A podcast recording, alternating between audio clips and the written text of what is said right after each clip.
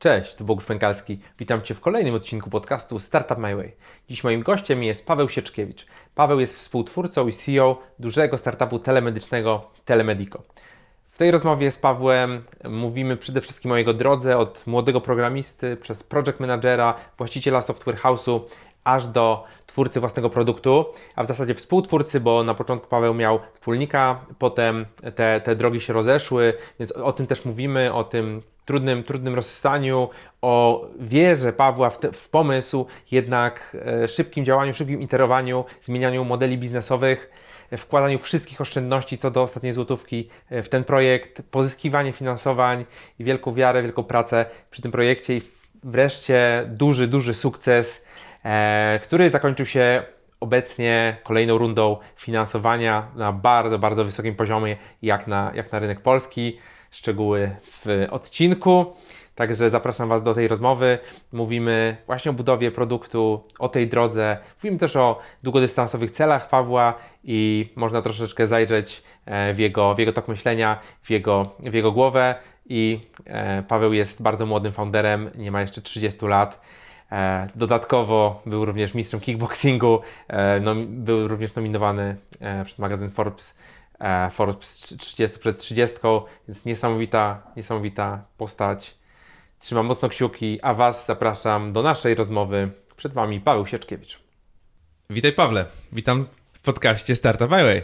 Cześć Bogusz, jeszcze nie znam żadnego Bogusza. E, w sumie powiem Ci, że ja znam jednego Bogusza i to tylko tak z widzenia, że go widziałem. Słyszałem o dwóch, Jednego widziałem e, w Ikei pracował i miał, wiesz, e, taki ten emblemat, Bogusz się nazywał, chciałem podejść i zagadać, było trochę głupio. E, powiedz na początek w ogóle, kim jesteś i czym się zajmujesz? Jestem właścicielem, współwłaścicielem i, i współzałożycielem Telemedico. Robimy zdalne konsultacje z lekarzami przez czat, wideo i telefon. Jesteśmy platformą telemedyczną do udzielania zdalnych konsultacji z lekarzami. W sumie zaczęliście zanim to było modne, czyli przed COVID-em. Powiedz mi, jak w ogóle, to pytanie chciałem w sumie zadać trochę później, ale myślę, że to jest fajny, fajny start. Jak wyglądał wasz rok 2020 e, i cała ta, cała, całe to zamieszanie? Hmm. Duża sinusoida, dlatego że bardzo dużo zmian się e, pojawiło. Jak sobie trochę to analizowałem, e, koniec końców mieliśmy punkt, do którego zmierzamy, natomiast zawsze do każdego punktu można dojść wieloma ścieżkami, więc globalny cel nam się nie zmienił, natomiast okay. ścieżki, którymi y, do niego podążamy, zmieniały się parokrotnie w ciągu roku. Okej, okay, okej. Okay. To jeszcze, jeszcze się zagłębimy w ten temat trochę później. E, powiedz mi, ja pytam często gości, czy ustalają sobie takie długo, długofalowe cele. Masz jakieś takie cele? czy, czy prywatne, czy, czy biznesowe? Hmm. Masz takie jakieś rzeczy, które Mam zarówno prywatne i, i biznesowe, krótko, średnio i długoterminowe okay. i myślę, że to jest taką jedną z moich rutyn. Często weryfikuję sobie te cele i sprawdzam, gdzie jesteśmy i dokąd zmierzamy. Okej, okay, a podzielisz się jakimś celem swoim? E, te cele długoterminowe, one są mocno związane z tym, jak ma wyglądać nasz value chain. Okay. Innymi, innymi słowy, jak ma e, wyglądać zakres wartości, które ma dostarczać Telemedico i do czego ma służyć. I odświeżamy sobie e, to ciągle ja i, i, i, i, całą firmą. Koniec końców my chcemy dostarczać e, dostęp do lekarza na całym świecie, niezależnie od tego, gdzie mhm. jesteś, mhm. niezależnie w jakim języku mówisz i chcemy to robić tanio i szybko. Wow. A czy to się sprawdzi też na przykład, jak ja sobie pojadę, wiesz, do Indonezji, nie? I będę ja jako Polak chciał jakiejś pomocy tam. To... Bezwzględnie, możesz korzystać ze zdalnych konsultacji z lekarzem, niezależnie gdzie jesteś. No tak, bo mogę skorzystać z lekarza z Polski po prostu. Działa też w drugą stronę. Mamy y, też jakąś część lekarzy, którzy dużą część roku spędzają za granicą. Oczywiście w czasie niepandemicznym. No tak. Y, no ale często dostajemy pocztówki, pozdrowienia, zdjęcia z wakacji od lekarzy, którzy są w trakcie pracy nad basenem. Prywatnym basenem, nie to, że jest hałas dookoła. Tak, tak, rozumiem. E, a z tych celów prywatnych, do czego mhm. dążysz w takim długim terminie? Mhm. W dużej mierze to jest e, spokój, e, są to swego też rodzaju takie samorealizacje związane ze sportem, ja dość, dość długo byłem, albo można powiedzieć, że dość wcześnie byłem taki samoświadomy pod kątem tego, że żeby gdzieś dojść, trzeba wiedzieć, że się chce gdzieś dojść. Mhm. Ale część oczywiście rzeczy jest spontanicznych i pozwalasz sobie dryfować, ale myślę, że dość ważne jest w szybkim, w młodym wieku powiedzenie sobie, gdzie, gdzie się chce dojść, bo wtedy zaczynasz świadomiej również mhm. y, realizować tę drogę i też świadomiej wyciągać wnioski z błędów. No A właśnie, im szybciej bo... popełnisz błędy, tym szybciej będziesz miał, tym dłuższe będziesz miał życie na cieszenie się tym, że gdzieś już doszedłeś, że coś osiągnąłeś. No tak, bo tak, tak się mówi, że jak wiesz, nie będziesz wiedział, e, nie będziesz miał tej swojej ścieżki, nie będziesz wiedział, gdzie ty chcesz dojść, przynajmniej częściowo, nie? to ktoś inny zadecyduje o tym. Nie? I ktoś inny będzie e, realizował tobą swoje cele. Mhm. No Co nie znaczy, że dojdziesz wtedy w złe miejsce, tak, ale tak, jest niezerowa szansa, że nie do końca dojdziesz tam, gdzie to będzie cię satysfakcjonowało. Więc myślę, że y, dobre jest zadawanie sobie co jakiś czas pytania, czy to, gdzie idę, mnie satysfakcjonuje, lub w ogóle gdzie idę i czy to jest dobra droga do tego. Okej. Okay. Powiedz mi, jak dzisiaj wygląda dzień y, prezesa międzynarodowego startupu? Czyli twojego. E, tak jak mówię, jest dzień, są tygodnie i, i są miesiące, bo skupiłbym się na tym, okay. dlatego że to jest nie bez ten, nie, nie, bez, nie bez znaczenia, bo to jak wygląda dzień, zdeterminowany jest to na przykład jak wygląda plan na miesiąc i co jest w danym, danym momencie mhm. do zrobienia. Natomiast na koniec dnia to, gdzie jesteśmy, jak się posuwamy, jest definiowane takimi małymi czynnościami codziennie. Tak, tak wykonanymi tak, telefonami, napisanymi mailami, osobami skontaktowanymi, osobami, które do nas dołączają do zespołu osobami też, które żegnają nasz zespół. Na koniec dnia wszystkie te długoterminowe plany, średnioterminowe plany, potem e, okazuje się, że są po prostu takimi małymi, drobnymi czynnościami. Bardzo podoba mi się cytat, że ludzie często nie doceniają tego, co są w stanie zrobić w 10 lat, a jakby tak. zbyt mocno przeceniają to, co są w stanie zrobić e, w rok i zniechęcają się, jeżeli tego w rok nie osiągną. I tak naprawdę ta monotonna praca, czyli założę się, teraz dochodzę mhm. do konkluzji, że ona pewnie dużo nie różni się mój dzień od e, dnia twojego czy kogokolwiek innego, kto zajmuje się branżą nowych technologii, po prostu wstaje około 7 rano, jestem w biurze około 9 najczęściej, ale wcześniej już wykonałem sporo pracy e, w domu. Czyli wstajesz i pracujesz, tak? Masz jakieś rytuały swoje, czy... Nie, jakby to, to jest bardziej poczucie odpowiedzialności. Okay. Wiem, że muszę y, sprawdzić y, pewne rzeczy, żeby powiedzieć, że ok, to są już najważniejsze rzeczy na rano odhaczone. Muszę pojechać do biura, bo mocno wierzę w to, że jednak ta praca razem i do momentu, jak, jak to było mhm. możliwe, to pracowaliśmy z częścią osób z biura. Teraz też pracujemy z biura. E, bo dużo lepiej nam się w ten sposób pracuje. I te małe czynności trwają cały dzień. Tak, no i tak, tak naprawdę e, na koniec dnia jest ważny ten moment odsapnięcia i spojrzenia wstecz, obejrzenia się dookoła, spojrzenia do przodu, czy tu chcieliśmy być i, i gdzie zmierzamy. I jeżeli nie, no to należy tą, e, tą trajektorię skorygować. A długo pracujesz tak w ciągu dnia? To się różni? Ciężko jest mi odróżnić czas wolny od czasu niewolnego, hmm. bo jeżeli robi, lubisz to, co robisz i do tego masz poczucie odpowiedzialności za to, co robisz, nie czuję. Czy ja w tym momencie jestem w pracy? Pewnie mm, gdyby ktoś y, powiedział, mógłby powiedzieć, że tak. Druga część osób mogłaby powiedzieć, że nie. Ja nie potrafię no tego tak. rozdzielać, więc jeżeli coś jest nieznaczące w sensie taka, e, taka analiza z mojej perspektywy jest nieznacząca, to nie zabieram sobie tym głowy. Jeżeli to lubię, to mhm. robię i, i to e, nie widzę, czy to jest różnica między pracą, a nie pracą. No tak, no tak, bo to w, przy, przy byciu przedsiębiorcą już to się jakby zupełnie E, rozmywa i często dobrą pracę może wykonać, nie wiem, idąc na spacer albo jadąc samochodem, coś ci się w głowie ułoży, mhm. nie? I czy to jest praca, czy to nie jest praca? Zrobiłeś coś, dokonałeś czegoś? E, czy tu chodzi po prostu o, nie wiem, siedzenie przy, przy komputerze, nie? To, to, to, to też, e, czy to jest praca, czy to nie jest praca? To, to jest właśnie w życiu przedsiębiorcy taka, taka zagwostka, też, też mam, mam to samo. Powiedz mi, co robiłeś w ogóle przed tym, jak zacząłeś zabawę z przedsiębiorczością? Czym się mhm. zajmowałeś? Zacząłem, zanim zacząłem zabawę z przedsiębiorczością, e, to próbowałem pewnie e, zabawę z przedsiębiorczością. Zanim... Okay, ale pracowałeś gdzieś na etatach, e... byłeś freelancerem.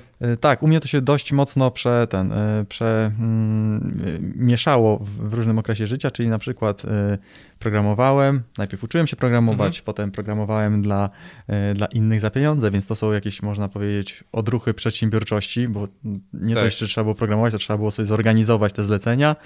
Potem pracowałem e, w kilku miejscach e, jako project manager, następnie założyłem firmę, potem założyłem drugą firmę, więc gdzieś to się ciągle ze sobą przecinało. Tak naprawdę zależnie od tego, czy potrzebowałem ja więcej doświadczeń i czy w danym momencie miałem coś, za co rynek chce zapłacić. Bo jeżeli Tak. nie miałem, to albo inaczej, miałem, tylko były to moje kompetencje, które ktoś potrzebował w swoim projekcie. Okej, a jak to było z tym programowaniem? Bo gdzieś czytałem właśnie, że e, w bardzo wczesnym, wczesnym wieku za- zaczynałeś. To było takie hobby? Jak, jak, jak to się zaczęło, ta pasja? Mhm. Za każdym razem powtarzam, mam brata ciotecznego, 6 lat starszego ode mnie, który był dla mnie takim wzorem, Okej. można powiedzieć, programistycznym, informatycznym i jak y, to się... Nie wszędzie w domu był komputer. Tak. Przychodziłem do Arka, y, Arek miał komputer y, i co mnie ciekawiło, on nie zawsze grał na komputerze, tylko on coś robił na tym komputerze. No i ja po prostu w dużej mierze pewnie mentalnie, pewnie tu jest dużo jakiejś psychologii, chciałem być jak Arek, więc Mhm. chciałem się wyróżniać wśród moich, wśród moich kolegów i ja nie tylko grałem na komputerze, tylko chciałem też programować. Więc wziąłem od niego m, kurs programowania, który miał wydrukowany i tak zaczęła się moja historia z programowaniem. Potem kolejny język. Co to był za język? E, to był Pascal. Najpierw to Pascal. był Pascal, potem był PHP, e, który już był taką moją drogą, gdzie sobie zacząłem, zacząłem dalej analizować i potem były te webowe języki. No ja też, ja też e, bardzo dużo siedziałem w Pascalu w, w młodych latach. Ja zacząłem od Basica na Commodore 64, jeszcze, jeszcze, jeszcze gdzieś tam wcześniej, a potem, potem faktycznie Pascal, sporo, sporo w tym Pascalu się, się robiło, potem C++, potem, potem .NET, też PHP, różne takie, różne takie rzeczy, no i teraz te, te Nie właśnie... siedzimy przy tym jednym stole. tak, siedzimy tak. Ja też, jak rozmawialiśmy przed, y, przed y, nagraniem, e, popularyzuję ten ruch od dewelopera do foundera i ty właśnie jesteś super przykładem. Kolejny deweloper, który, który stał, się, stał się founderem. E, I ty chyba roz, budowałeś software house też przez jakiś czas, nie? Czyli y, deweloper, project manager, tak? A jak się czułeś w ogóle w tym byciu project managerem? Mhm. Z dobrego programisty, słaby project manager, tak to często wygląda. Nie wiem, czy byłem dobrym programistą, nie wiem, czy byłem Okej. dobrym project managerem. Na pewno mam dobrą cechę łączenia wielu kropek Mhm. do, do wspólnych wniosków, do spójnych wniosków. E, I to na pewno było taką moją mocną cechą. Czy byłem poukładany? Pewnie ciężko to tak nazwać, bo to było już prawie 10 lat temu i to nie było poparte dużą wiedzą teoretyczną, która by na pewno u, ustrzegła mnie wielu problemów. Pewnie jak na wiek, trochę w nawiązaniu value for money, to value Mhm. for age, Mhm. to, to była bardzo dobra jakość. Y, Pewnie porównując value do value z innymi osobami na rynku, nie do końca. Tak, tak. Ale na pewno dużo mi to dało y, do, do dalszej drogi. Okej, i kiedy stwierdziłeś, że chcesz założyć software house? Że budujesz firmę, tak? Bo to była w sumie pierwsza taka, Mhm. taka firma konkretna. Kiedy uznałem, że ludzie, dla których jestem project managerem, nie do końca chcą mnie słuchać w dużej Mm. mierze przez mój wiek. O, A miałem takie poczucie, że jeżeli ja będę miałem płacił... wtedy 12 lat. Nie, miałem wtedy 19 lat, O, aha. 20 i miałem Wcześniej. poczucie, że jeżeli jednak ja będę komuś płacił, bo byłem przekonany, że mam rację, ale ktoś yy, dyskredytuje mnie ze względu na wiek, więc jeżeli będę komuś płacił, to najzwyczajniej świecie będzie potrzebował mnie słuchać. I tak się y, zrodziła, y, tak bardzo y, long story short, ale mniej więcej od tego Mhm, zrodziła się mhm. historia Software House'u. I jak, jak ta historia software house'u się potoczyła? To, to, ci, się podobało? Czy... Potoczyła się do 20 paru osób, natomiast nie miałem doświadczenia w budowaniu tych struktur. W międzyczasie też pojawiło się Telemedico i stanie na dwóch nogach Mhm. nie do końca było w porządku, w związku z tym, że też mój fokus się mocno przerzucił na Telemedico. Tam zaczęło się już dziać po prostu źle, zaczęła się już być równia spadkowa i Okej. póki jeszcze y, można było, to, e, to pożegnaliśmy się y, z tymi osobami, e, przekazaliśmy to innemu software house'owi, no i, e, i skupiłem się na Telemedico od tamtej pory. Okej, okej. No i w ogóle skąd to, skąd to Telemedico się wziął? Jak ta idea się pojawiła? Czy to się pojawiła idea w twojej głowie, czy... Nieprzypadkowość przypadków, czyli Mhm. jeżeli robisz rzeczy w drogę, którą, y, w- drogą, którą obrałeś, żeby osiągnąć jakiś cel, to prędzej czy później zakładam, że wydarzy się to, co, y, co chcesz osiągnąć.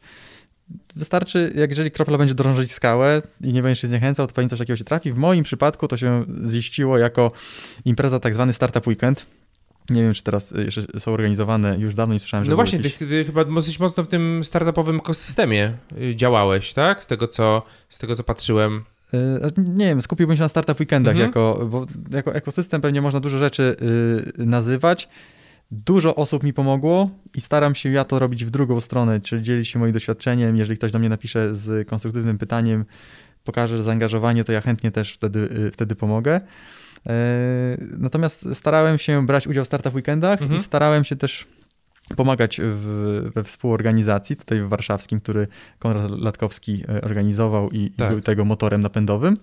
E, Natomiast Startup Weekend był takim miejscem, gdzie łódzki, gdzie spotkałem się z moim wspólnikiem, który przyszedł na ten Startup Weekend z pomysłem zróbmy lekarze online. A I tam się ty, spotkaliśmy. Ty startowałeś na tych, na tych startup weekendach jako, jako jakby founder? Ja startowałem też ze swoim innym pomysłem, natomiast tam się spotkałem. Tam tak naprawdę był, y, był moment, gdzie poznaliśmy się z Piotrkiem, to był jego pomysł. Postanowiliśmy go dalej realizować. Wylądowaliśmy razem w, Pradze Czeskiej na e, akceleracji O, i, i long story short rozwijaliśmy Telemedico. co daje akceleracja? E, Akceleracja z założenia daje ci dostęp do ludzi, którzy mają wiedzę o tym, czego ty możesz jeszcze nie wiedzieć. Mhm. daje ci kontakty i jakąś formę brandu i w wielu przypadkach daje ci też inicjalne pieniądze na to, żebyś mógł y, wydać je, na to, żebyś udowodnił, że twój pomysł ma, y, ma szansę się dalej rozwijać. Yy, W naszym przypadku było też taką, bo to był akcelerator zagraniczny, był też taką formą, trochę z- z- przyśmiewczo z perspektywy czasu na to mówię, takiego biznesowego Erasmusa. Kiedy Mhm. moi rówieśnicy Fajnie. wyjeżdżali na Erasmusa yy, i jeździli bawić się, czasami uczyć, yy, ale to raczej w tej kolejności, to u mnie to był biznesowy Erasmus. Czyli yy, wyjechaliśmy i pracowaliśmy, ale nad własnym biznesem, nie, Mhm. nie, Tak. nie w obcej firmie. Pewnie to jest taka cieka- tak, takie Ile, ciekawe ile to trwało? Rok. Mhm. Rok, rok. Tak. Mhm. No, sporo. E, I to ten akcelerator jakby organizował to wszystko, tak? Tak. Wam zapewnił. Znaczy, akcelerator zapewniał inicjalne finansowanie, w naszym przypadku to było bodajże 40 40 tysięcy euro, natomiast y, już musiałeś sobie wszystko oczywiście sam zapewnić. y, No tak. tak. A to było warto wyjeżdżać do Pragi? Nie można było tego w Polsce zrobić? Czy... To był jeszcze czas, kiedy nie było akceleratorów w Polsce. okej. Jesteśmy w całkiem innym Który momencie. to rok był? To był 2000, przełom 13 i 14 rok. Mhm. Jesteśmy w całkiem innym momencie, jeżeli chodzi o rozwój świadomości, takiego, można powiedzieć, właśnie ekosystemu Mhm. startupowego teraz y, tutaj w Warszawie, w Polsce w ogóle, programów, które zapewniają taki tak. dostęp. Wtedy nie było żadnego aktywnego programu w Polsce. Okej, czyli, czyli to był jedyny, e, jedyny sposób. To fajnie, że wam się udało. Nie jedyny, można było oczywiście Nie. rozwijać to samemu. Tak. Jakby tych dróg jest wiele, to nie znaczy, że jeżeli nie masz jakiegoś akceleratora po drodze, to że ci się nie uda, albo w drugą stronę, że jak masz akcelerator za sobą, to ci się uda. No, To, Tak, tak, to nie to- definiuje. To jeszcze to, to, to były te czasy jeszcze kilka lat wcześniej, gdzie 80 tysięcy za 49% udziałów. E, często często tak, tak moi goście mówili, że takie pierwsze, e, pierwsze propozycje dostawali, tak, gdzie to się zmieniło naprawdę w przeciągu ostatnich lat bardzo. E, No i jakby jak ten projekt, jakie były pier- pierwsze kroki tego projektu? Czyli był pomysł, Startup Weekend, e, akceleracja w Pradze i co tam siedzieliście, kodowaliście? Ty jakby pewnie kodowałeś ten pro- Mhm. produkt. Cały czas supportował nas y, Software House. Mhm, ten, okej. ten w Polski. To był jeden z moich A. zasobów, który był bardzo ważny i to jest właśnie kluczowe, że ta nieprzypadkowość przypadków, rzeczy, Okej. które robiłeś wcześniej, które dawały ci...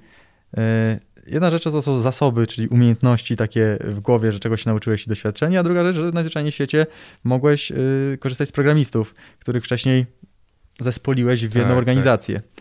Więc y, to nam na pewno pomogło. Telemedico najpierw było serwisem B2C, czyli klienci Mhm. indywidualni mogli kupić konsultacje do lekarza, jeżeli akurat trafili, że lekarz miał wystawione sloty, jeżeli akurat y, pacjent chciał zapłacić. To był, Marketplace z lekarzami. To był pierwszy model.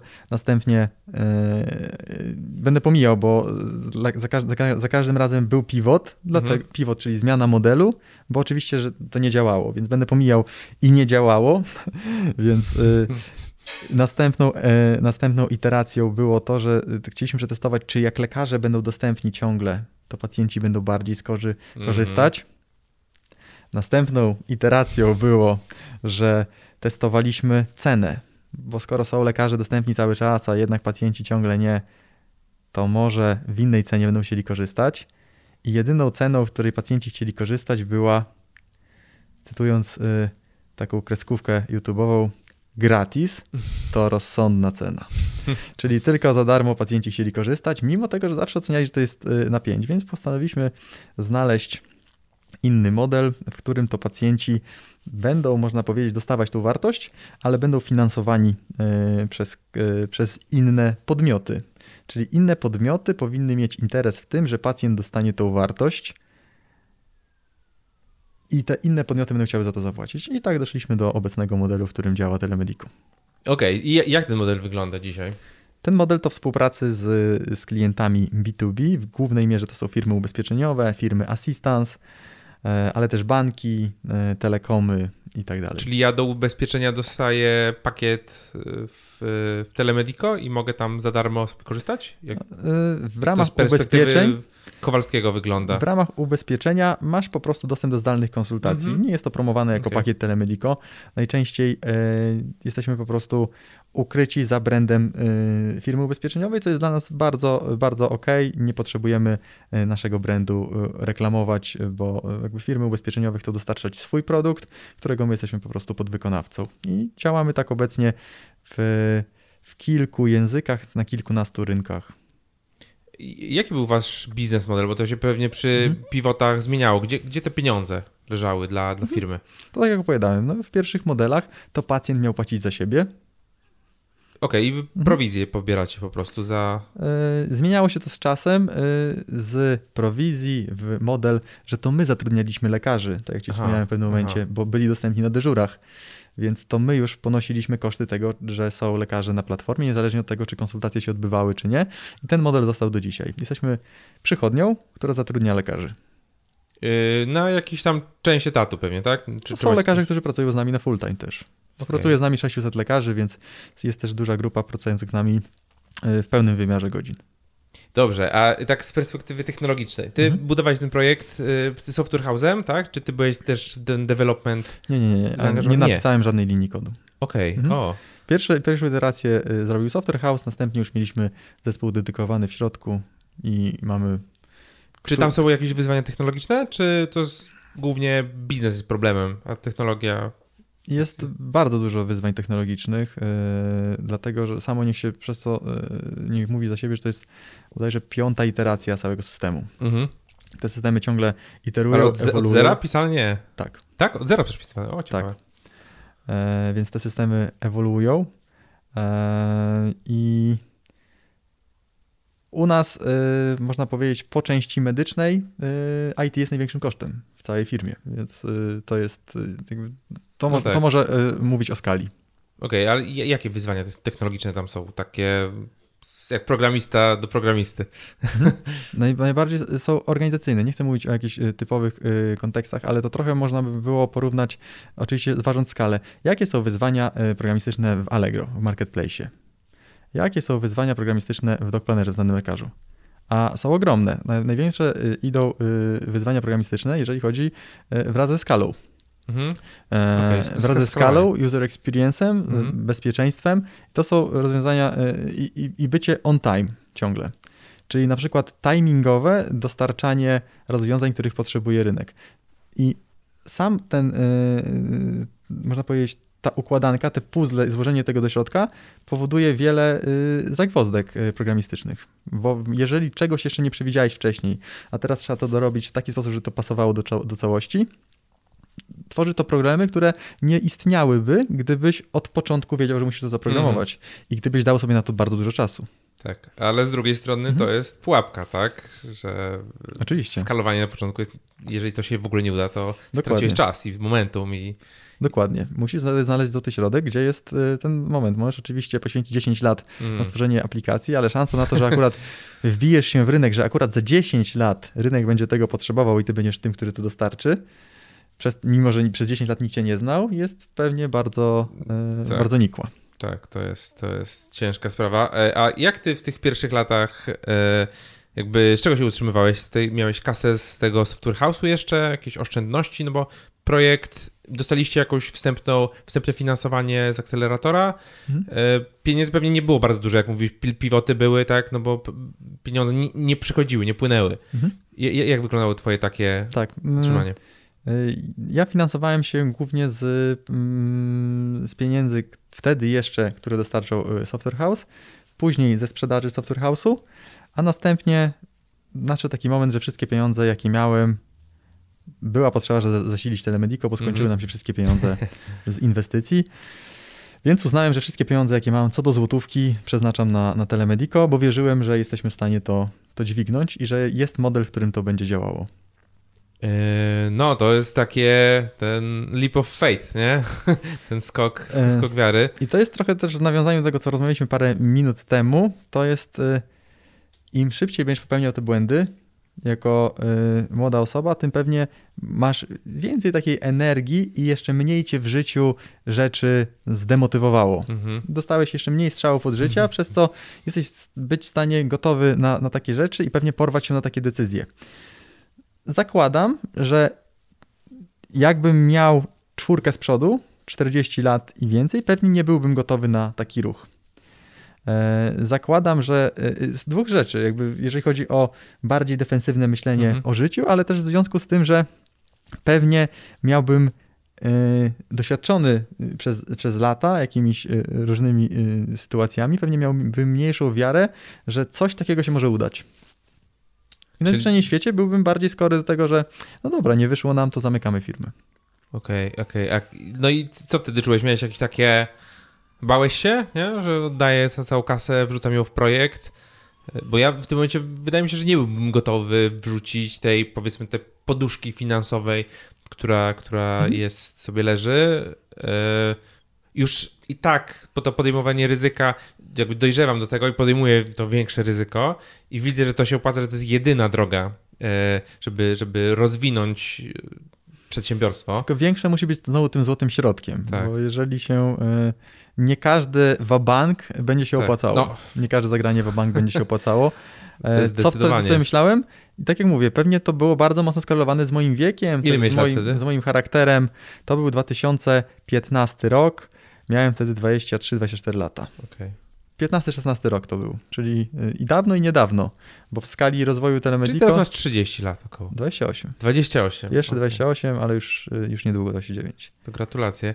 E, tak, tak młodego wieku i już dosyć dużych, dosyć, dosyć dużych osiągnięć. Ale odnośnie do, do, tego wieku, właśnie pewnie to jest perspektywa tego, ile miałem lat, bo miałem poczucie, no co czułem y, ryzykując te pieniądze, okej, okay, najwyżej odbuduję to w tyle lat albo szybciej, ile byłem, yy, ile musiałem do tej Dokładnie. pory dobudować. Dokładnie. I... A gdybym miał tą perspektywę, mając 40 lat i myślę sobie, kurczę, teraz muszę coś odbudować, na co pracowałem 20 parę lat, to zostało mi, czyli będę miał 65 lat, jak dojdę znowu do poziomu zero.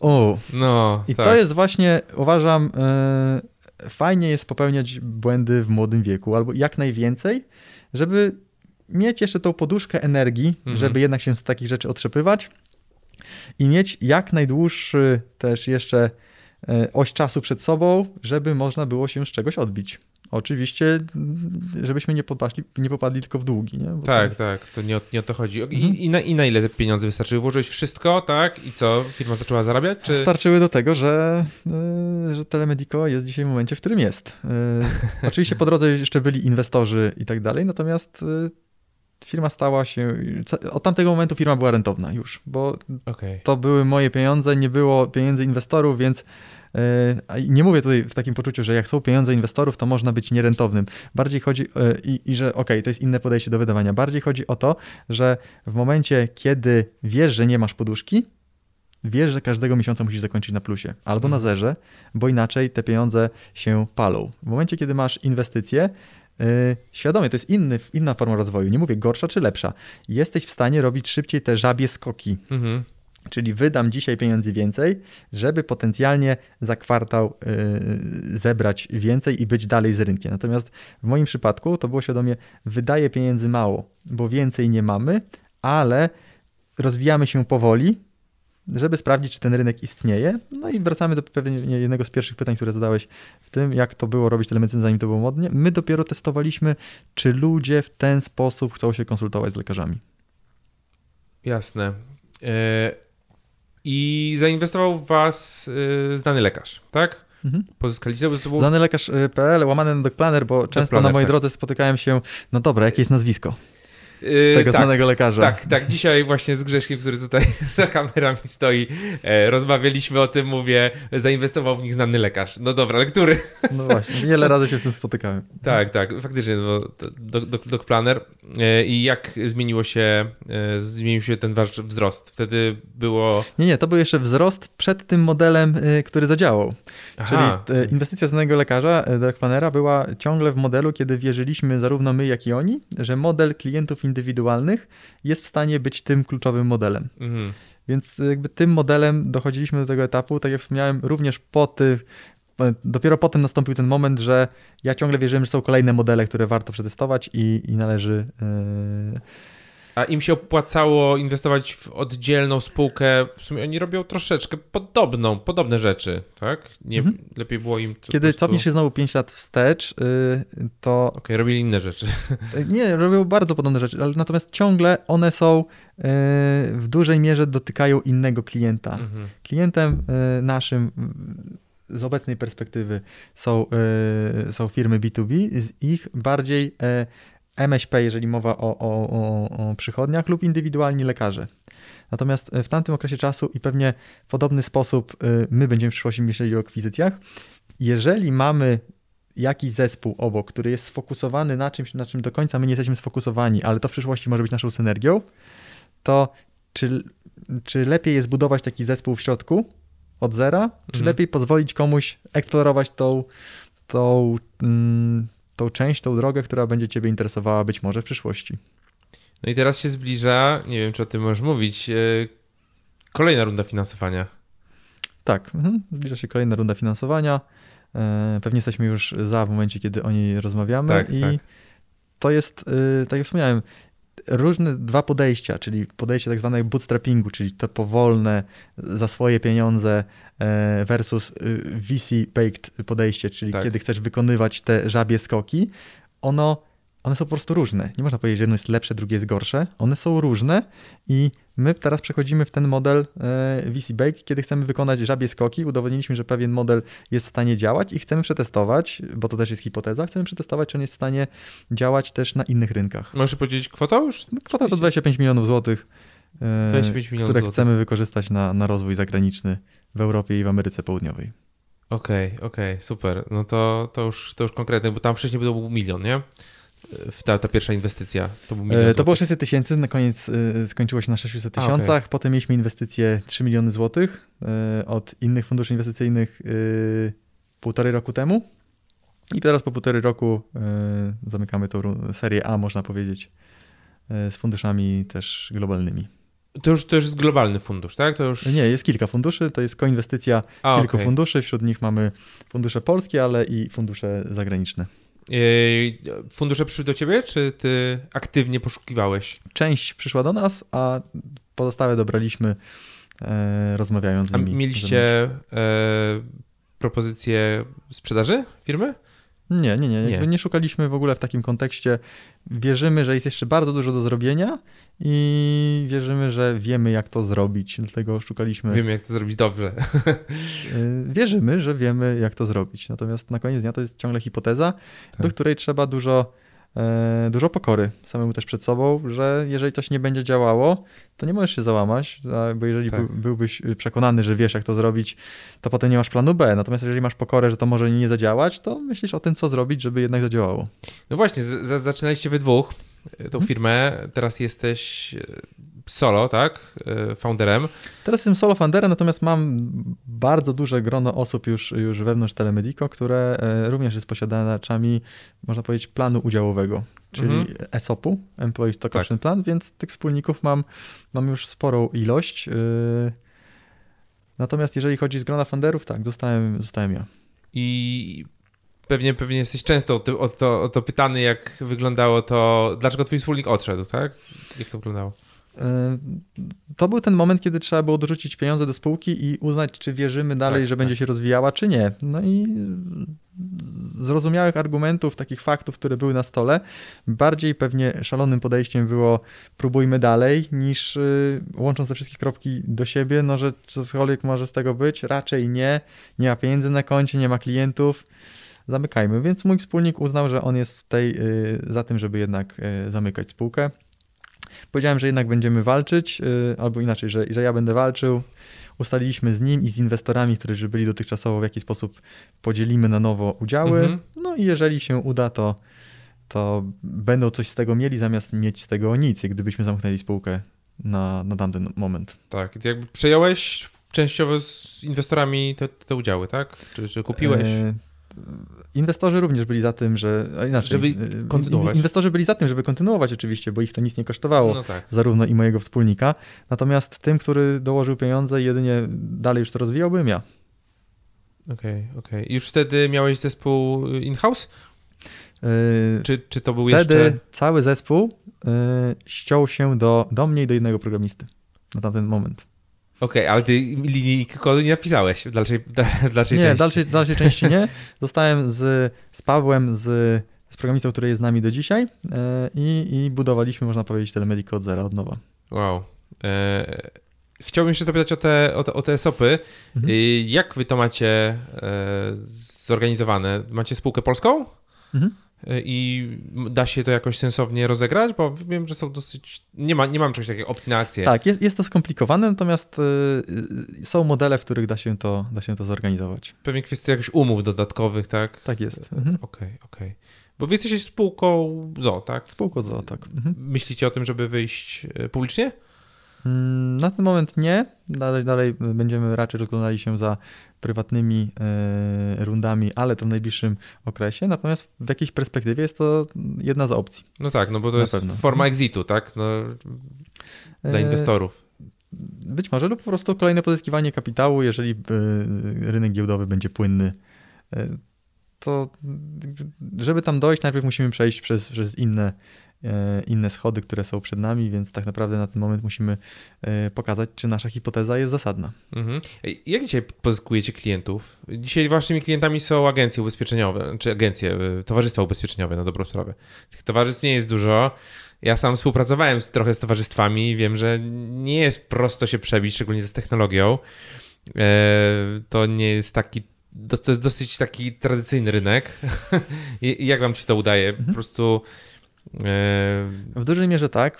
W Polsce pracujemy z większością firm ubezpieczeniowych, mm, natomiast y, poszerzamy ten rynek o wychodzenie za granicę, hmm. na kolejne kraje. Hmm. Każdy kraj, w większości firm ubezpieczeniowych borykają się z podobnymi problemami. Z kosztami i po drugiej stronie wyróżnikiem na tle innych w podejściu do, do klienta końcowego.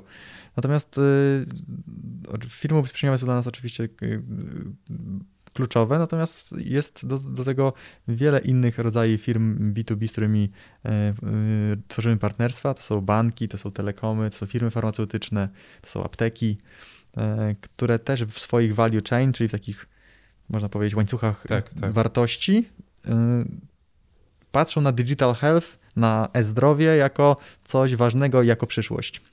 I wtedy mają dwa wybory. Albo robić to samemu, mhm. albo znaleźć partnera, który dostarczy im te moduły, które potrzebują. I my z perspektywy jesteśmy e, taką platformą już Digital Health, która dostarcza im te moduły, których potrzebują. Od przytrzymywania dokumentacji medycznej, przez udzielanie zdalnych konsultacji, e, przez e, zautomatyzowany triaż i tak dalej. E, no dobra, ale to w takim razie załóżmy, że wchodzicie nowy, na nowy rynek i od czego, od czego wtedy zaczynacie e, poszukiwania? Czy się kontaktujecie, nie wiem, piszecie maile, wyszukujecie w Google mhm. firmy potencjalne? Co to jest... Y, tak nie wiesz. W naszym przypadku to, my to nazywamy, są dwa podejścia. From top and from down. Jeżeli chodzi, y, pracujemy z kilkoma sieciami firm ubezpieczeniowych, można powiedzieć z grupami firm ubezpieczeniowych, z którymi pracujemy już w wielu rynkach. Mhm. Więc często wchodzimy do nowego kraju przez to, że pracujemy już z kilkoma firmami ubezpieczeniowymi w innych krajach. Czyli tak, zaczynamy pracować from top. Tak, dlatego, tak. że y, weszliśmy tam, można powiedzieć, z poziomu centrali. A w innych przypadkach wchodzimy from down, czyli zaczynamy współpracę mimo że na przykład pracujemy z jakąś firmą, grupą firm ubezpieczeniowych w innych krajach, to i tak inny jakiś kraj ma na tyle niezależności, że po prostu wchodzimy z nimi, rozmawiamy bezpośrednio i to najczęściej są po prostu kontakty przez nasz network. Nasza organizacja jest ma na tyle różnorodności, że można powiedzieć, że tworzą ją dwa rodzaje ludzi. Jedna część osób, albo inaczej, większość można zakwalifikować do jednej z tych dwóch grup. Mhm. Jedna, jedna grupa osób to są doświadczone osoby z firm ubezpieczeniowych, e, które znają się na produktach, na branży, które na specyfice. u was pracują, tak? Które współpracują Aha. z nami, tak. E, a druga część to są e, osoby z innowacyjnym podejściem, w dużej mierze skupione na technologii i my miksujemy te dwa światy ze sobą. Starając się z jednej strony dostarczać innowacje, a z drugiej strony rozumieć, jak działa rynek. I takich osób też szukamy na kolejnych rynkach zagranicznych. To też daje nam dobry network, mm -hmm. wiarygodność i, i zrozumienie, taki e, ekspercką sprzedaż. Nie robimy sprzedaży na, na podstawie, yy, yy, można powiedzieć, mass mailingów i tak dalej, i tak dalej, tylko na tym, Cześć, lokalnych partnerów. Cześć, rozumiemy, co robicie chcemy Wam pomóc, wiemy jak to zrobić, a tutaj macie już gotowe rzeczy, gdzie pokażemy Wam, jak to zrobiliśmy w innych miejscach. Jak wygląda w ogóle światowy rynek tego e-health, tego naszego e, e-zdrowia? Mhm. Z, kim, z kim konkurujecie? Są jakieś takie globalne firmy, takie Facebook i Google tego rynku? Bardzo różnie i ekscytująco i najbardziej takim, yy, można powiedzieć, czerwonym rynkiem, czyli pełnym, tak, tak, tak. Yy, pełnym konkurencji jest rynek amerykański. Tam podmioty y, są y, pewnie dużo większe na giełdzie amerykańskiej niż my mamy jakiekolwiek spółki na, na giełdzie polskiej. Czyli typowo telemedyczne podmioty są większe od spółek jakichkolwiek tak, na, tak. Na, na, na, polskiej giełdzie. No chyba tylko CD Projekt jeszcze większy będzie. E, no CD Projekt nie wiem, czy jest największą spółką na, na giełdzie polskiej. Chyba Był nie. ostatnio. No okej, okay. no, no, teraz chyba, na pewno już nie tak. jest. E, albo e, raczej, raczej nie jest. Tak. No i, i, i, są tam większe spółki telemedyczne niż rozumiem, największe rozumiem. u nas, więc ten rynek jest bardzo e, konkurencyjny pod tym względem no, jest bardzo dużo zainwestowanych pieniędzy z funduszy inwestycyjnych i tak naprawdę będzie, będziemy mocno się przyglądać temu, co się dzieje. Natomiast inne rynki, tam gdzie my się fokusujemy, Ameryka Południowa i Europa, w dużej mierze są jeszcze mocno niezagospodarowane. Jest bardzo dużo konkurencji silnej e, i też bardzo mocno dokapitalizowanej, natomiast nie można powiedzieć, że ktoś wygrał te rynki. Już e, nie mówiąc poszczególne kraje, bo mhm. w krajach można powiedzieć, że są e, poszczególni wygrani, można powiedzieć, tacy liderzy, ale nie można powiedzieć, że cała Europa na przykład została wygrana przez kogoś, albo cała Ameryka Południowa została przez kogoś wygrana. A rzucisz jakąś taką nazwą takiej, takiej firmy telemedycznej, dużej? Europejskich podmiotów, czy w Ameryce? Może w Ameryce, tych Tela, największych. Teladoc, Doctor on Demand, American Health, mhm. w Europie okay. Babylon Health.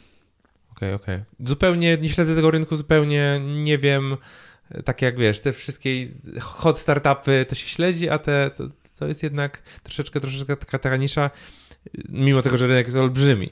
Mimo tego, że rynek jest olbrzymi, myślę, że można tu coś ugrać. Czyli wy do Stanów nie wchodzicie, czyli nie, nie, nie pchacie się nie, w Czerwony nie. My się, my się fokusujemy na Europie i Ameryce Południowej. Mhm. A ta Europa Wschodnia też wchodzi też. Mhm. w grę? Okej, okay. mhm. okej. Okay. E, jak, jakie są trendy w ogóle na, na tym rynku? W którą, w którą to wszystko stronę zmierza? Gdzie mm. nie wiem, czy to będzie lepsza technologia, czy. Ja uważam, że wszyscy koniec końców, yy, nawet jeżeli startują z projektem dziś, a pewnie jeszcze jakby nie, nie zrobili dużej ilości ćwiczeń, będą wszyscy zmierzać w ten kierunek, który my sobie obraliśmy. Świadomie lub nieświadomie wszyscy zmierzają do tego kierunku, żeby dostarczać dostęp do lekarza tanio, szybko na całym świecie, niezależnie gdzie jesteś i w wielu językach. I tak naprawdę to tylko jest kwestią, kto na jakim etapie gdzie się znajduje i czy już zdał sobie z tego sprawę, czy nie. Mhm. I e, podmioty startujące z różnych stron, czy to z e, poziomu urządzeń medycznych, czy z poziomów mm, również stacjonarnych przychodni wchodzących w digital health, czy wchodzących y, z poziomu y, badań nawet y, USG i tak dalej, one na koniec dnia zmierzają do tego, żeby ta służba zdrowia była efektywniejsza. I uważam, że to jest cel na koniec dla wszystkich długoterminowy i to nie do końca będzie zawsze konkurencja. To często będą synergie, dlatego że mhm. podmioty będą wystarczająco duże albo będą tak duże, że e, konkurowanie między nimi będzie mniej opłacalne niż, niż ta synergia, ale to, to, założenie może być zmienione przez fundusze inwestycyjne. Jeżeli ktoś będzie przychodził, będzie mówił, damy ci wystarczająco dużo pieniędzy, żebyś był w stanie zrobić y, tą część również u siebie. Mhm. To jest nieprzewidywalne, patrząc na, po przykładzie Stanów Zjednoczonych. Takim kolejnym, yy, yy, można powiedzieć, mocnym triggerem będzie moment, kiedy te firmy amerykańskie wybiorą się na zakupy poza, poza obszar Stanów Zjednoczonych. Wybiorą się na zakupy do, do innych regionów, nie mówię, że do krajów, ale wręcz do regionów. E, I wtedy będzie miało mocne znaczenie, kto jest jakimś liderem lub wiceliderem e, na jakimś regionie, po to, żeby można było e, przyjść i ten zakład położyć na stół. A chętni do sprzedaży na pewno się znajdą. No właśnie, a wy myślicie o jakichś akwizycjach, czy takich mniejszych podmiotów? Czy, czy, hmm? czy, czy, nie, to nie jest ten moment? Zdarzało nam się inwestowanie w startupy inne, właśnie w takim założeniu, że. Medyczne? Nie do końca. medyczne, tak, medyczne. Mhm. Że nie do końca się tym zajmujemy, ale chcielibyśmy obserwować i być przy tym, co, co to dalej będzie w tym. W formie tym takiego anioła biznesu trochę, tak? No, w formie, y, można powiedzieć, y, przyszłościowej synergii takiej. Okej, okay, mhm. okej. Okay. Ciekawe, ciekawe. Ale to gdzieś tam wy, wy sobie to w swojej. U, u, siebie robicie, nie tak, że teraz startupy zgłaszajcie się do Telemedico. Chętnie bez żadnych inwestycji, chociażby zrobimy testy wspólnie i zdarza nam się co jakiś czas robić testy z innymi startupami, Fajnie. żeby sprawdzić, czy to jest w ogóle jakiś hmm. ścieżka i kierunek, komuś też pomagając w ten sposób, ale i samemu zdobywając wiedzę, jak rynek dalej się rozwija.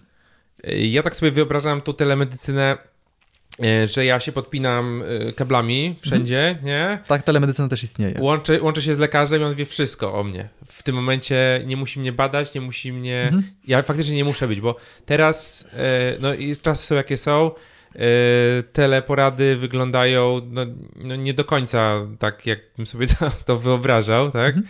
E, gdzie często ktoś nie, wiesz, nie, nie jest w stanie. No to jest jedna z rzeczy, które się wydarzyły dość, e, dość szybko i w pewnym momencie. E, Teraz, jakbyście mieli to B2C w takim top-top wersji, to. Ciekawe, czy ludzie. B2C na pewno mocno urosło w Polsce, u nas też jest to zauważalne. Natomiast to, o czym mówisz, zostało w pewnym momencie trochę przesunięty mocno ciężar teleporad i był stosowany, y, teleporady były stosowane w przypadkach, które nie powinny być absolutnie y, realizowane przez teleporadę. W związku z czym, jak ktoś mm, zadał mi pytanie w jakimś wywiadzie, czy pandemia dobrze zadziałała na rozwój e-zdrowia, czy nie, to ja wbrew innym wszystkim głosom pochlebnym odpowiadam, nie wiem, zobaczymy za parę miesięcy, bo uważam, że jest wielu pacjentów bardzo negatywnie na przykład nastawionych do telemedycyny, teleporat obecnie. Takich pacjentów, którzy pierwszy raz spotkali się z telemedycyną właśnie w okresie pandemii, tak. ale trafiło na ich przypadek, który absolutnie nie nadawał się na telemedycynę. I teraz, gdybyśmy się rozwijali jako branża, można powiedzieć, organicznie, tak jak było to do tej pory, to tacy pacjenci trafiliby prędzej czy później tak na telemedycynę, ale z dużym prawdopodobieństwem na sytuację taką, gdzie ta telemedycyna miałaby szansę im pomóc, ale nie przy złamaniu yy, chociażby otwartym.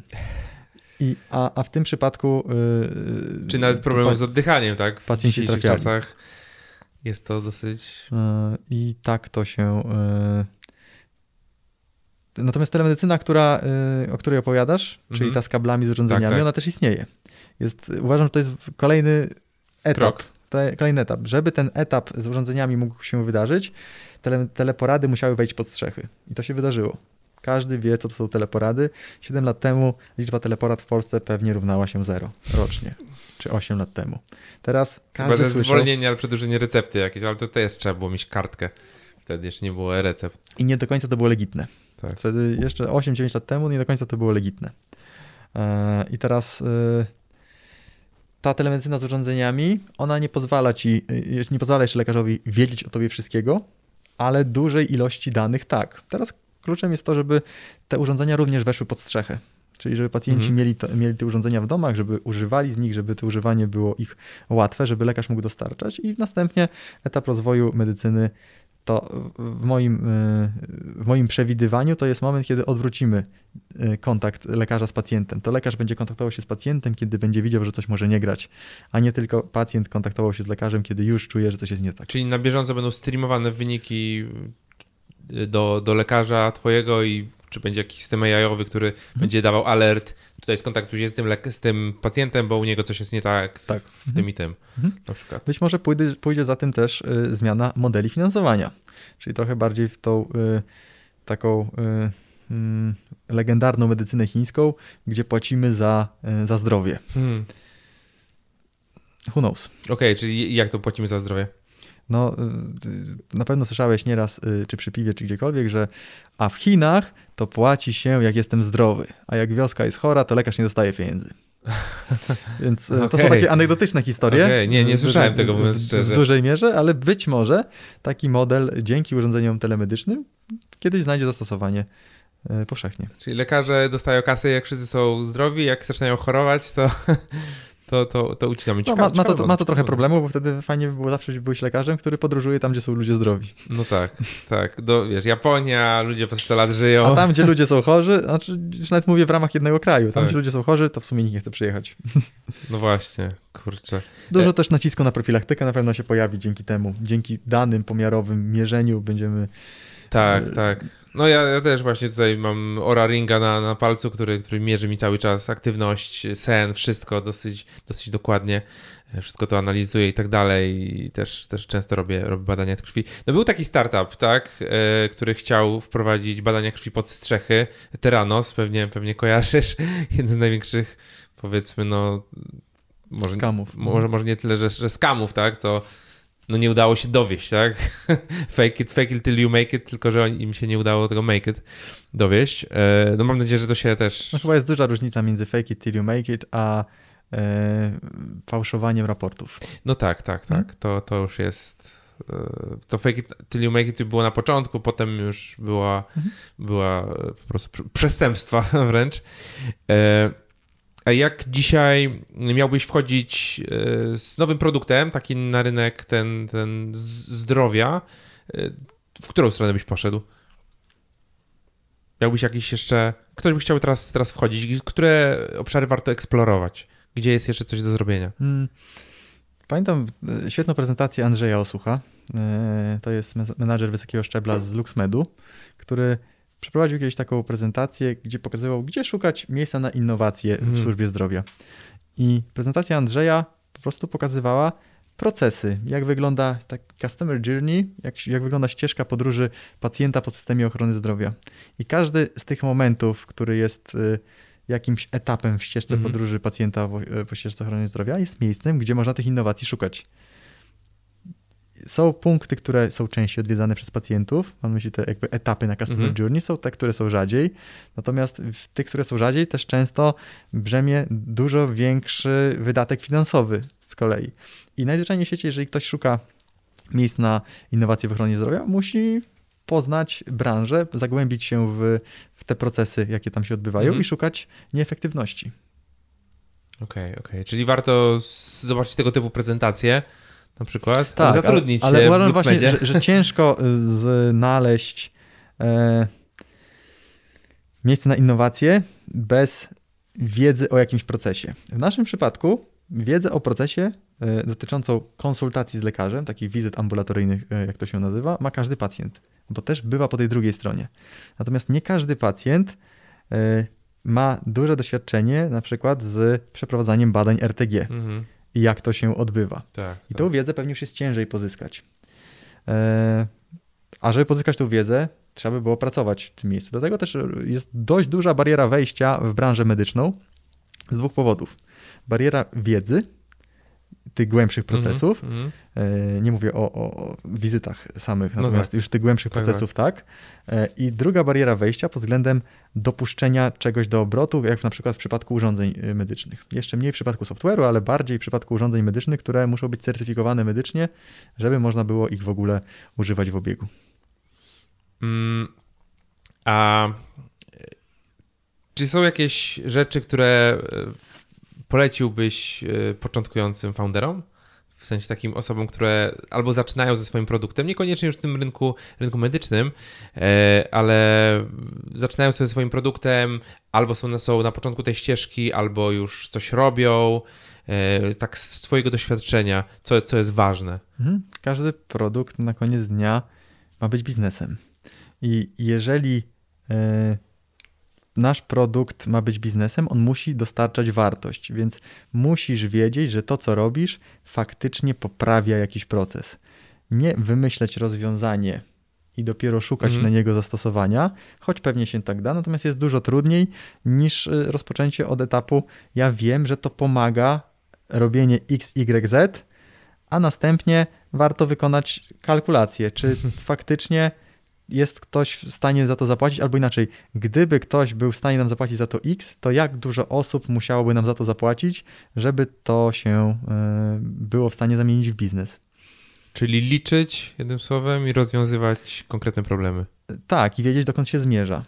I, i sprawdzać, czy jak dużo jest kroków potrzebnych do, do zrobienia, żeby to rozwiązanie miało szansę zadziałać, jak dużo będziemy potrzebowali pieniędzy, jakich osób dookoła i sprawdzać, czy to jest realne, czy nie. I pewnie na to trzeba nałożyć taki filtr wieku, bo tak jak rozmawialiśmy wcześniej, im jesteśmy młodsi, tym pewnie chętnie się na to porwiemy, tak. bo będziemy mieli mniej, można powiedzieć, zniechęcenia takiego życiowego, że wiele rzeczy to jest ciężkie i tak dalej. Natomiast pewnie jak będziemy starsi, to można świadomie sobie e, zwracać uwagę na to, czy ten właśnie filtr wykorzystałem, tak. bo może się niepotrzebnie zniechęcam, i brakuje e, wewnątrz tej, mm, tej takiej otwartości i ekscytacji. No właśnie, myślę, że ta wytrwałość jest tutaj kluczowa, żeby jednak próbować, próbować, próbować i kolejny, kolejną iterację, kolejny projekt tak, robić ale z tym ważne, entuzjazmem.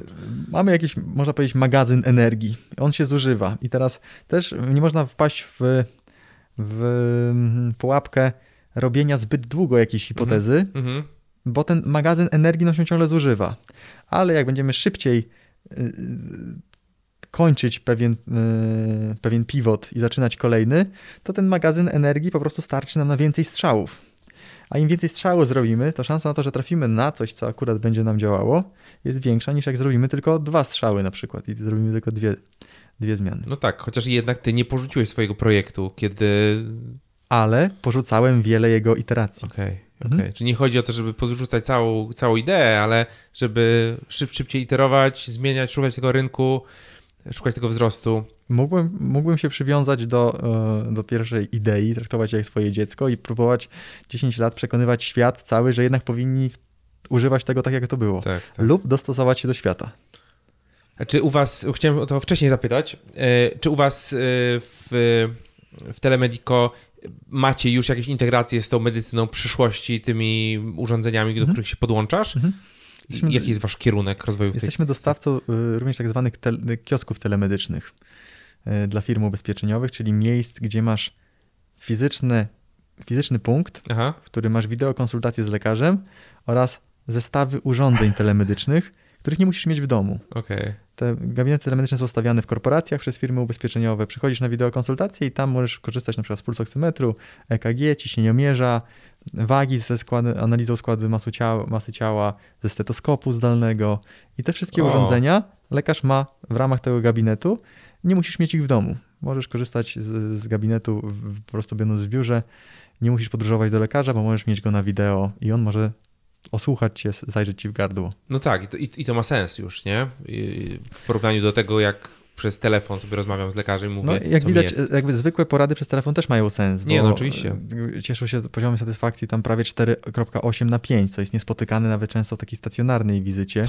I po prostu bardzo mądrze trzeba dostosowywać, które konsultacje da się zrobić online, a których się nie da. E, I nie można pacjentów zmuszać do tego, żeby robili teleporady w miejscach, gdzie jednak ta teleporada nie będzie miała zastosowania. Natomiast gdy dobrze dopasowaliśmy pacjenta, który jest otwarty na teleporadę, lekarza, który ma doświadczenie w teleporadach i przypadek, który nadaje się na teleporadę, to pacjent zdecydowanie będzie wolał teleporadę od stacjonarnej wizyty. Okej, okay, super. A jak, jak wy się jeszcze, tak już zbliżając się ku końcowi, jak wy się pozycjonujecie względem na przykład takiego LuxMedu, który teraz bardzo rozwinął te teleporady, tak? No bo jest tak, taka, taka sytuacja. E, ja osobiście jestem, jestem klientem LuxMedu i, i z, tego, z tego korzystam. E, to działa raz dobrze, raz, raz gorzej, nie? Ale, mhm. ale, ale działa. I czy to jest dla Was też konkurencja? Mm. Czy już dzisiaj nie, bo wy jesteście partnerem B2B? Na, na, to można patrzeć w sposób taki, że konkurencją y, jest wszystko, co sprawia, że ten pacjent nie pójdzie do lekarza, do ciebie, tylko pójdzie gdziekolwiek. Konkurencją dla LuxMedu również na przykład jest y, artykuł w internecie. Jeżeli mm, pacjent mm. artykułem w internecie uzna, że już nie idzie na żadną wizytę, to to była konkurencja dla LuxMedu. Natomiast w sposób bezpośredni my skupiamy się jako punkt wyjścia na telemedycynie. My byliśmy, można powiedzieć, firmą Digital First, która wszystko łącznie z naszym systemem EDM, czyli rozwinięcie skrótu elektronicznej dokumentacji medycznej, on zaczynał się jako punkt wyjścia od, od telemedycyny i, i wokół tego, i wokół tej zwinności szukamy naszych przewag. Y, duże firmy, takie osiadłe już na rynku, dla nich to jest często dodatek, choć też y, idą z duchem czasu innowacji i na pewno tego zaangażowania nie można im odmówić.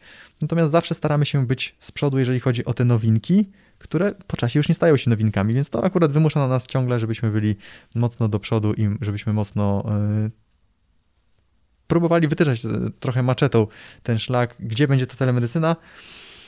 Mamy dużo pokory do tego, natomiast y, pewnie patrząc te 8 lat wstecz versus dzisiaj, nieźle nam to wychodzi, czytanie tych, tych trendów. E, rekrutujecie teraz? Tak, tak, tak. Rekrutujemy w Polsce i w zagranicy, e, za granicą, za granicą głównie e, operations managerów, country managerów e, w Europie i w Ameryce Południowej, a w Polsce głównie do działu IT, project managerów, programistów, PHP, Symfony. Czyli jakby ktoś chciał, to, to na Telemedico się wchodzi. W zakładce kariera mamy dużo, dużo otwartych jakby pozycji. Ktoś chciał rozbudowywać w startupie telemedycynę w Europie i na świecie, to, to, to, to zapraszamy. Co czytasz? Polecisz nam jakieś książki, podcasty, materiały? Mhm. Nie, nie muszą być stricte biznesowe, ale mhm. nasi, nasi słuchacze to często osoby, które e, gdzieś tam z tego świata IT często wychodzą, chcą budować swoje produkty, budują yy, właśnie, wchodzą w tą branżę startupową. Co, co można poczytać ciekawego albo posłuchać czegoś ciekawego? E...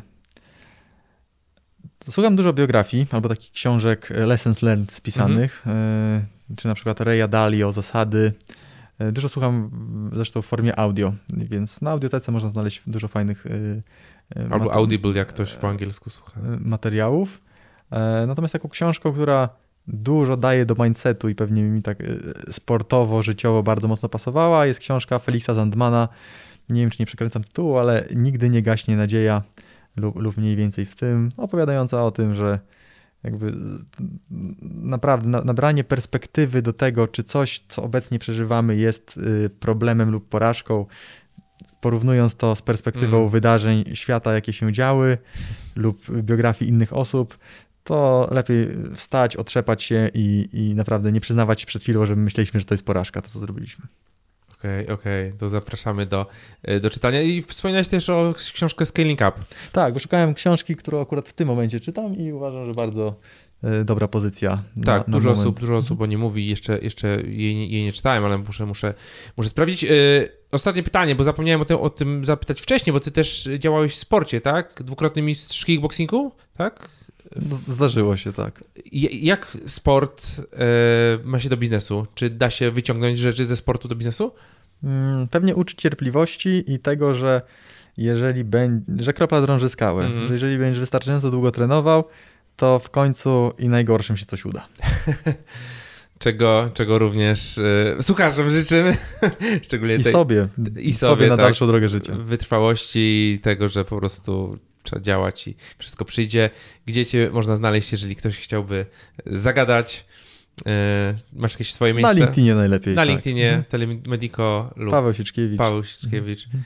Pawle, dziękuję. Fascynująca rozmowa. E, życzę sukcesów z nowym kapitałem i mam nadzieję, że spotkamy się za parę lat i będziecie liderem branży na pewno w, w innych Europie. sytuacjach. I będziemy w innej sytuacji, chociaż już technika i szczepionki mRNA idą do przodu, więc zdrówka i powodzenia. Do usłyszenia. Dzięki, Dzięki. bardzo.